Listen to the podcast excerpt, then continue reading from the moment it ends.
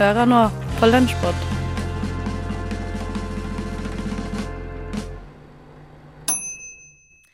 God formiddag, kjære lytter, og hjertelig velkommen skal du være til årets første utgave av Lunsjpod, her sammen med meg, Nicole Myhrer. Her i Lunsjpod får du et gjenhør med noen gode radioøyeblikk fra uka som var, så hvis du er ny Radio Nova-lytter, så er den neste halvtimen en ypperlig mulighet til å oppdage et program som du kanskje har lyst til å høre mer på. Og vi starter med en liten reportasje fra Radio Novas nye matprogram Umami, for eh, hva er egentlig det?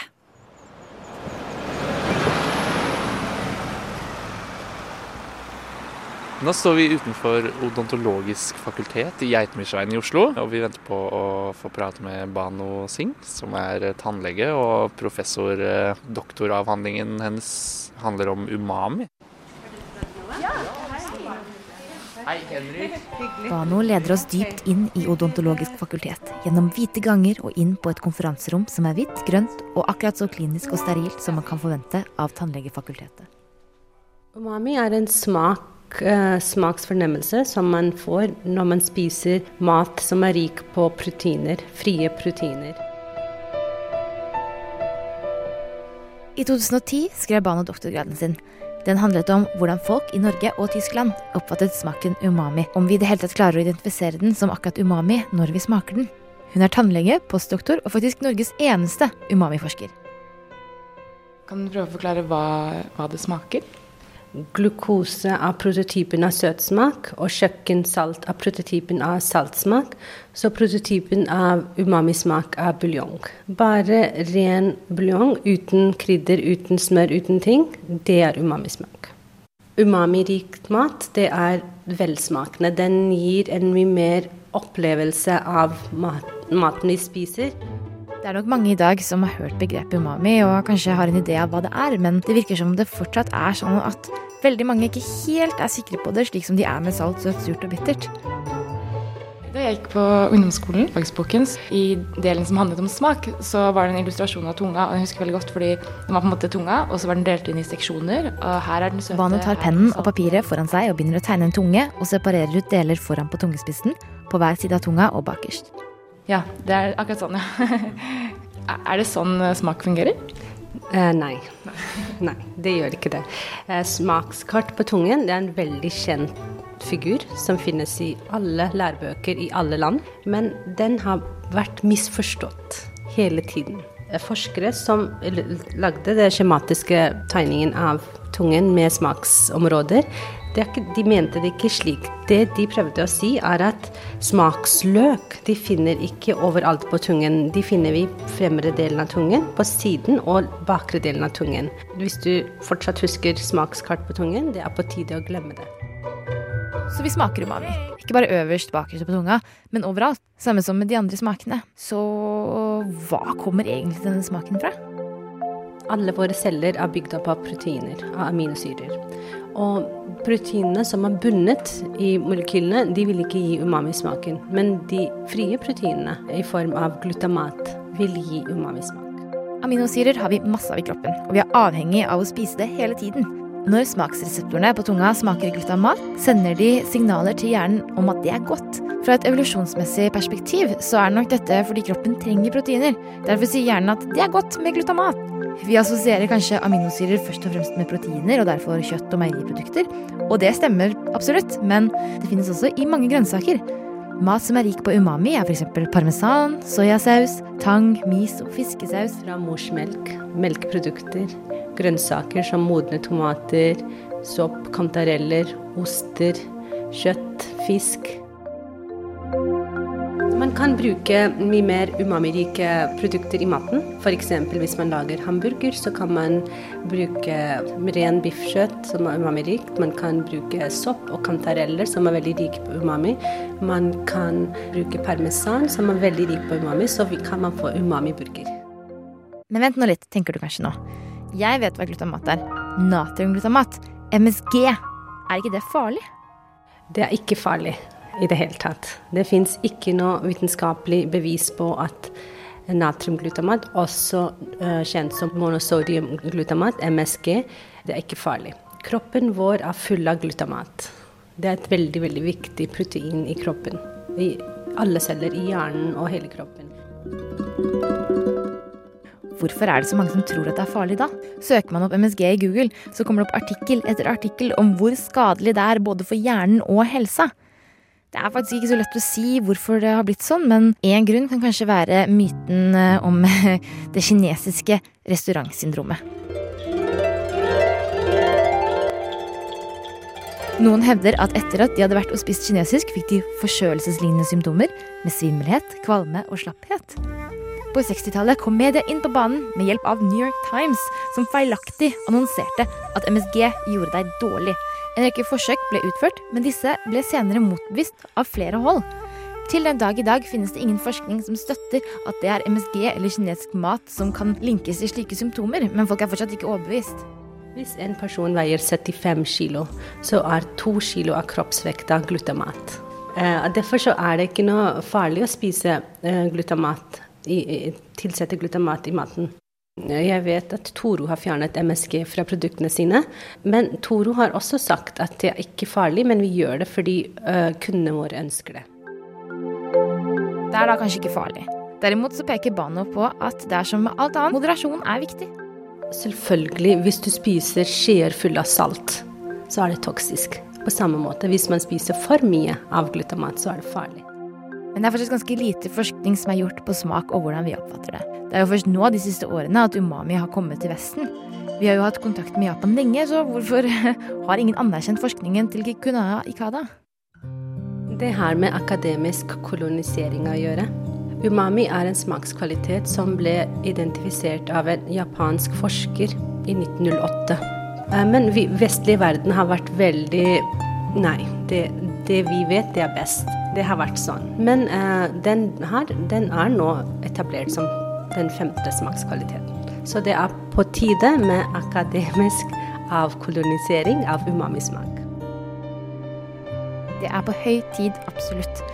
Vi har alt å vinne og ingenting å tape, virker det som. Ikke bare får vi bedre mat av å bevisst inkorporere umami, det kan også ha en hel del andre implikasjoner. Hvis man er mer bevisst på å bruke umami, kan det føre til at det reduserer saltinntak. Det kan også uh, føre til at man bruker mindre fett i maten. Fordi ofte mm, f.eks. folk som røyker, de, hos dem så dør smakspapilla på tungen. Og da har de tendens til å bruke mer fett i maten, ketsjup, krydder i maten, for at det skal smake mer. Og da kan man heller ta glutamat.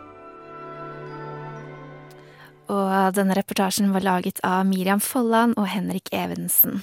Og hvis du har lyst til å være med Umami og utforske og oppdage fenomener innenfor mat og matkultur, er det bare å slå på radioen, altså Radio Nova, hver tirsdag klokka 17.00. Radio Nova.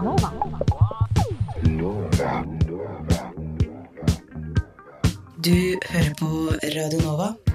DAB, nettspiller og mobil. Siden Donald Trump inntok det ovale kontor i Det hvite hus, har Twitter-meldingene hans skapt overskrifter. For han har jo en litt egen måte å kommunisere på. Og gjengen i Frokost har forsøkt å gjette seg til hvordan det ville høres ut dersom norske politikere tvitret på samme måte låta så ga jeg eh, meg selv og mine to venner her, Maja og Ivan, en oppgave eh, i konseptet jeg har kalt for Trump-twitring. Trump Utrolig dårlig, vanskelig å kombinere det, de to ordene der. Eh, hvor jeg ser for meg at hvordan hadde det sett ut hvis norske politikere tvitret som Donald Trump? For han har en veldig sånn aggressiv og egen stil å tvitre på, som ikke er så veldig sjarmerende eller passende for en, en, statsleder, vil enkelte mennesker påstå. Um, så vi ga hverandre uh, en norsk politiker og et tema vi skulle tvitre om. Og har gjennom låta da uh, formulert en tweet hver. Tror jeg. Hvordan har det gått, Maja og Ivan? Det har gått greit, men jeg tror ikke det blir så trumpete. Nei? Det, det blir uh, mer en, en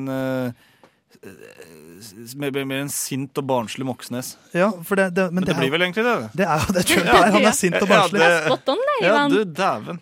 Dæven døtte. Sykkelstøtte. Hvordan syns du det gikk, Maja? Nei, men jeg sleit litt med det samme som du trodde at du sleit med. At Det blir jo mer Bård Fordi jeg føler at Bård er ikke så aggressiv av seg. Jeg skulle jo være Bård Hoksrud.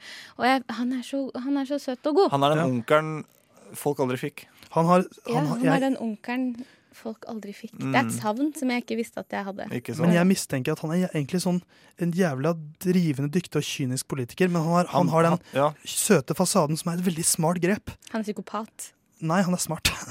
Men eh, så kanskje vi bare skal begynne. Ivan, eh, du fikk Bjørnar Moxnes og Equinor. Han skulle tweete om Equinor, ja. Eh, jeg har gitt deg et forsøk, eh, i hvert fall. Det har vi alle. Ok, men da starter jeg.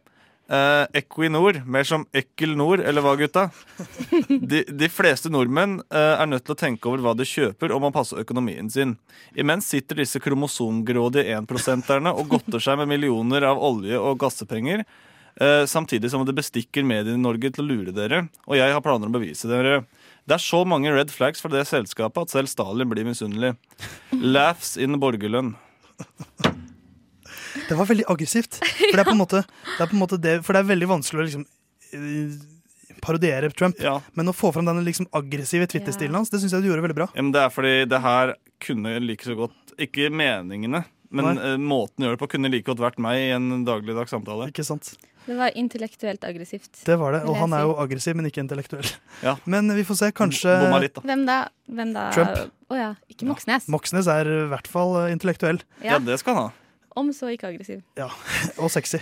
Eh, Han skal ha det, altså. Det skal han ha. Jeg, Bjørnar Moxnes Det er en grunn til at vi kaller han Foxy Moxy. Mm. Men, eh. Ja. Men du, Bård Hoksrud. Bård er også Ja, er Foxy. Eh, Han nå- skulle tvitre om Han skulle Eh, kroppspress? Ja, han er lei. Rett og slett. Ikke sant? Nå er han lei. Eh, nå er det søren klype meg nok av dette kroppspresset, folkens. Jeg blir faktisk helt tuggeren av det. Uansett hvor en snur seg, så er det en eller annen kar med sixpack på magen og ikke under armen, som stirrer på deg fra bladhylla. Nå må mediene slutte med dette helsepresset. La man få være som man er. Bort med sukkeravgiften! Å, Jeg likte avslutninga veldig Den godt. var eh, fin, den. det, det det jeg bygget opp mesterlig. Og, og vet du hva du skulle skrevet? Nei. Spark meg midt i fremskrittet. ah, Men da Zing. da- Ja, Zing. Vi fikk med oss den, da. Takk, Ivan. men hva med deg, eh, Moxnes? Nei, det var, det var ikke du. Det var deg. Du, du ble jo Per Sandberg, du. Per Sandberg, Ja. Foxy Per. Ja, det er for, oh, han Eh, han skulle tvitre om fremmedfrykt. Ja. Jeg har prøvd å liksom naile den stilen til, eh, til Trump. Vi får se åssen det gikk. Ja da. Sjokkert. Svake Gahr Støre. Løgner nok en gang. Asylsøkere bør finansiere utreise selv. Igler. Arbeiderpartiet lider på meningsmålingene. Leste på resett.no at jeg er tidenes mest populære eks-fiskeriminister. Sannheten kommer fram. Den var ganske spot on. eh, sånn derre skikkelig nevrotisk Trump-tweet. For han, han, han twitrer sånn der stream of consciousness. Ja. consciousness. Han bare skriver alt han tenker på. Ja, jeg bare ser for meg at han bare tenker bare eh, vermins, og så skriver han vermins. Ja. Liksom. Det, han er helt Det var eh, nesten litt poetisk. Det var jo sånn slampoesi. Ja, det var det. Ja. Det var nettopp det det var. Sånn jo- aggressiv slam poetry. Jeg er jo ingen politiker, men jeg er en av Norges mest lovende slampoeter. Så vi får se. Og det var Maja, Ivan og Theis fra morgenprogrammet Frokost som forsøkte å dikte Twitter-meldinger i Trumps ånd. Og hvis du har lyst på litt hyggelig morgenstemning, så er det altså frokost her i Radio Nova hver morgen mellom klokka sju og ni. Radio Nova. Nova.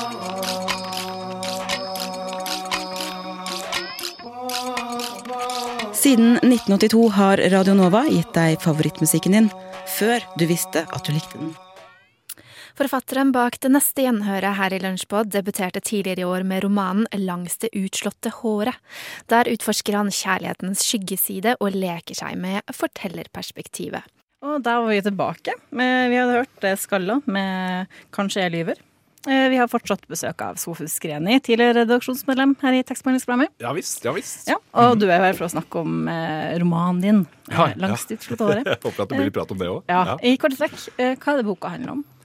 Og i korte trekk Mm. Um, Nei, altså um Tenk jeg må presisere det. ja, ja, nei, altså det er jo en uh, roman uh, som omhandler uh, Ja, jeg vil si sånn kort og godt at det handler om sjalusi. Handler om en ung jente i Oslo som heter Nora. Mm. Jeg, Ja. hold, jeg holder det så kort, jeg, altså. Ja, ja, det er jo litt sånn forelskelse og kjærlighetssorg Ja, er- og litt sånn Ja. ja, definitivt. Det er en kjærlighetsroman, ja. vonde greier også. Eller altså, kjærligheten er kanskje eh, litt stygg, på en måte. Ja, det, det er- liksom liksom ja. ikke noe rosenrødt og lykkelig og Nei, absolutt ikke. Det var jo det som var interessant, eller derfor jeg ville skrive om, om sjalusi, som jeg syns var en um, Altså en sånn paradoksal følelse på mange måter. Fordi Mm. om, man er eller om man er forelsket, eh, så opplever man jo fort sjalusi. Eh, Men samtidig så er jo sjalusien da til syvende og sist en veldig sånn nedrig og egoistisk følelse som på en eller annen måte egentlig ikke har så mye med forelskelsen å gjøre, men som handler om din egen frykt for f.eks. tap. Eller at noe skal forsvinne. At på en måte det, altså All den blomstrende ekstasen som en, en genuin forelskelse fører med seg, den er jo kaotisk, nesten litt psykotisk. Men på den annen side der så, så har du det der lille hintet av, av frykt som sier at dette kommer ikke til å vare, eller dette tar slutt. da. Det er jo en slags sånn eiersyke, på et vis. Ja, ja, veldig. Det er en kontrollerende følelse. Altså man, man, og det tror jeg handler litt om forelskelsens karakter, som er så voldsom at man på en eller annen måte søker om Fordi, fordi man blir så følelsesmessig sår da, og tilknyttet, så ønsker altså Sjalusien er den farlige følelsen som kommer bakom der, som ønsker da å holde dette under kontroll. Holde fast og styre da dette andre mennesket, sant, som er et helt håpløst prosjekt.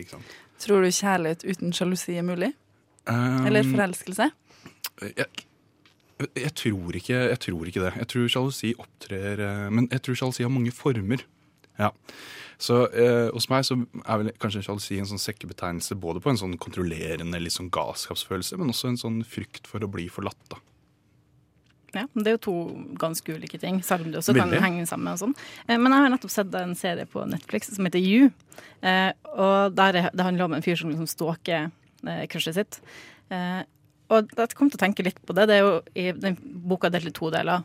Eh, første del da, om Nora, så er det på en måte liksom det mannlige blikket, altså eh, Ja. på henne, som er Ja. veldig sånn eh, Minner meg litt om det, da. At han eh, følger veldig med, observerer og er litt sånn Mm. eh, Det er ganske tydelig stemning. Ja, og det er jo liksom ikke veldig- så god alltid. Mm. Og det er jo veldig tydelig også på at vi får jo aldri hørt den Man får jo ikke et jeg i starten, men du Fordi det handler jo om hun Nora, men Mm. man merker jo at det er en person bak. Mm, mm. Det er jo en Ja. Et blikk, da. Et Ja. tydelig blikk. Ja, det var et helt veldig, et veldig bevisst valg. Eh, Mm, Når jeg først prøvde å skrive denne boken, eh, så slet jeg med at da skrev jeg fra, en jeg, eh, fra et førstepersonsperspektiv, og så slet jeg med at eh, de følelsene og beskrivelsene var så veldig knyttet til det subjektet.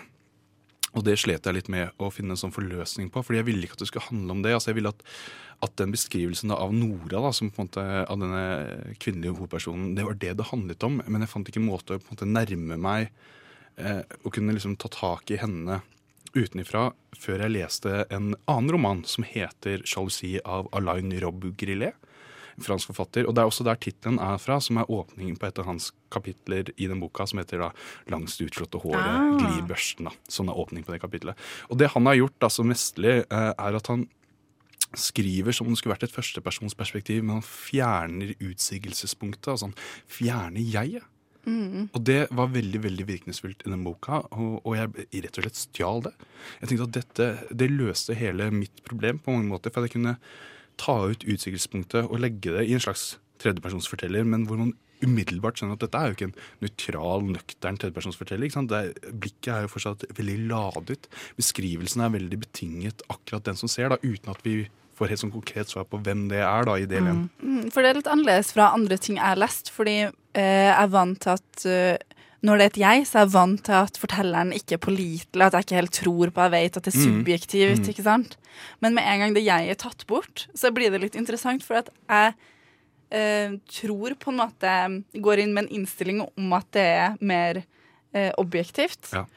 og så tror jeg ikke på han. Mm. Ikke sant? At han er ikke helt troverdig, det er veldig, sånn, veldig, veldig subjektivt igjen. Da. Ja, veldig upålitelig forteller. Ja. Det er også mitt inntrykk. Og bak på omslaget så står det at Nora er et offer for forelskelse og grådig blikk. Mm. Altså offer for forelskelse og grådig blikk. Hva er det som ligger i det, egentlig?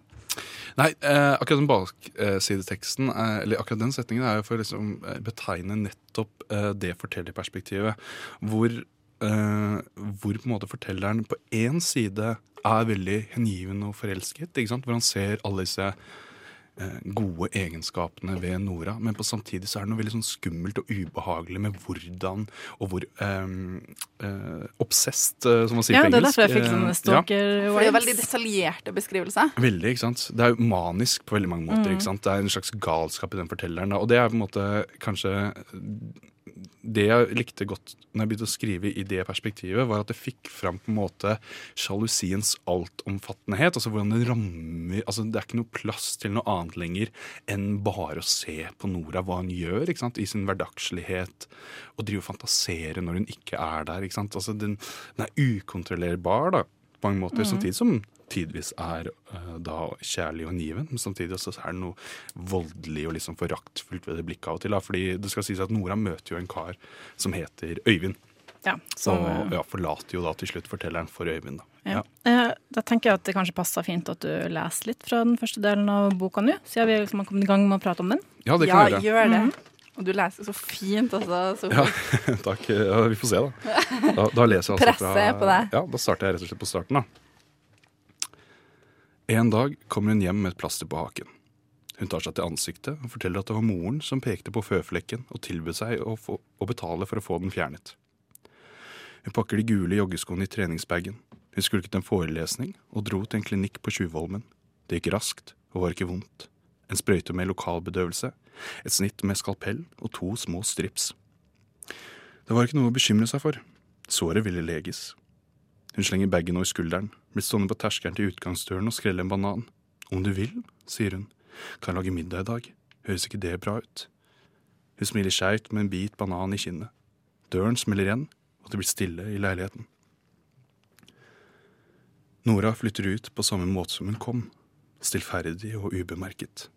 I skuffen minsker det med klær. Nips forsvinner. Ja, slike ting man ikke legger merke til før de er borte. Som hårnålene i vinduskarmen, en flaske lavendelsjampo på flisene i dusjen, en hvit halsokk bortgjemt bak sengebeinet, kun synlig fra kontorstolen. Hun rudder seg selv ut av hybelen. Først da avslører gjenstandene sitt tomrom. Det var de som brant inne med og fylte rommet med nærvær. Takk skal du ha, Sofus. Det var veldig fint. Du hørte programlederne Stina Spjelkavik og Ingrid Hvitsten i samtale med forfatter Sofis Greni. Og tekstbehandlingsprogrammet kan du lytte til hver onsdag klokka ti. Radio Nova er best. Alle andre er tapere. Radio Nova. Det går snart mot slutten her i Lunsjpod, men først skal vi få høre hvordan Norsk studentorganisasjon reagerte da det ble kjent at den norske foretaksmodellen ble lagt død. Mandag denne uka la forsknings- og høyere utdanningsminister Iselin Nybø foretaksmodellen død.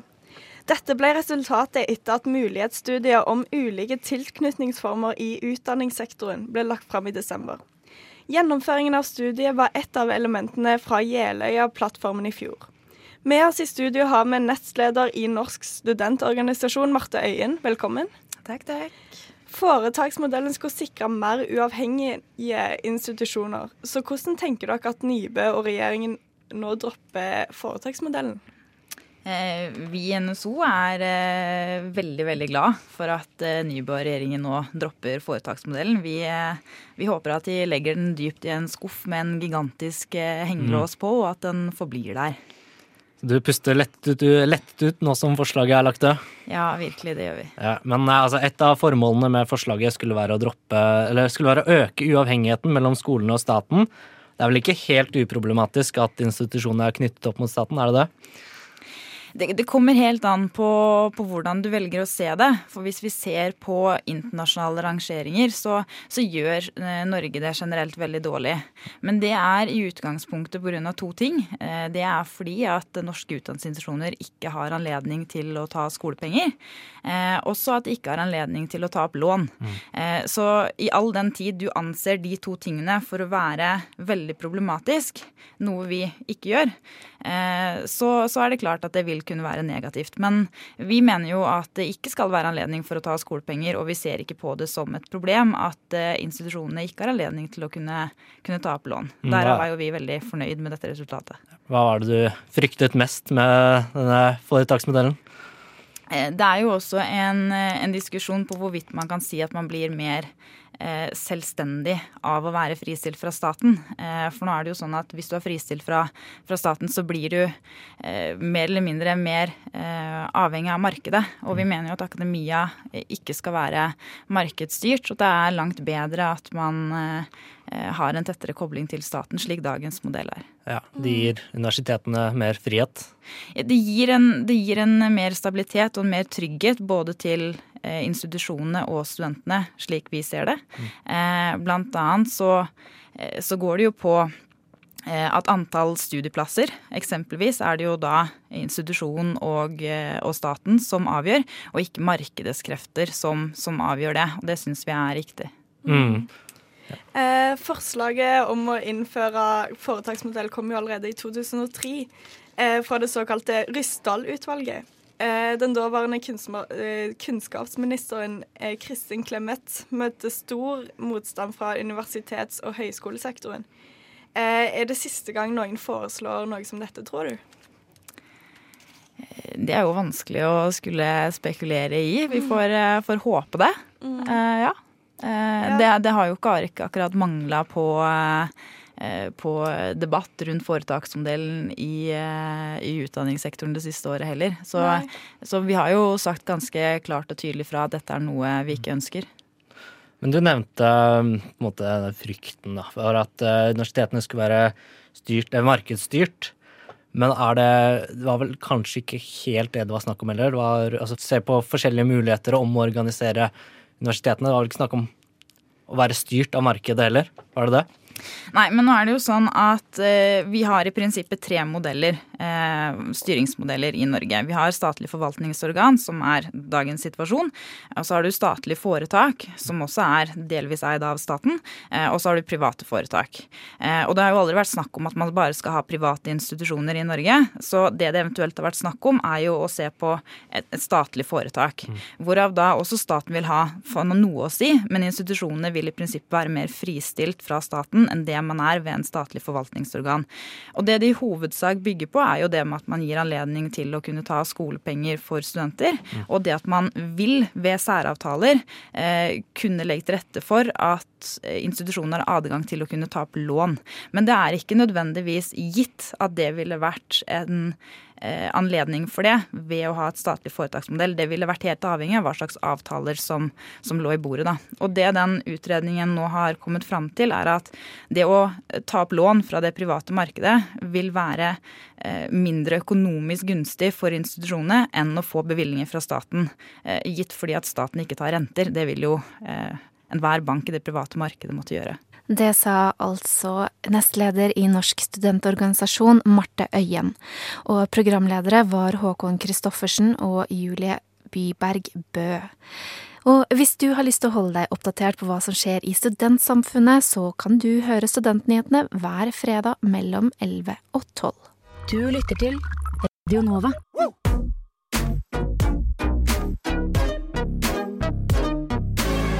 Radio Nova.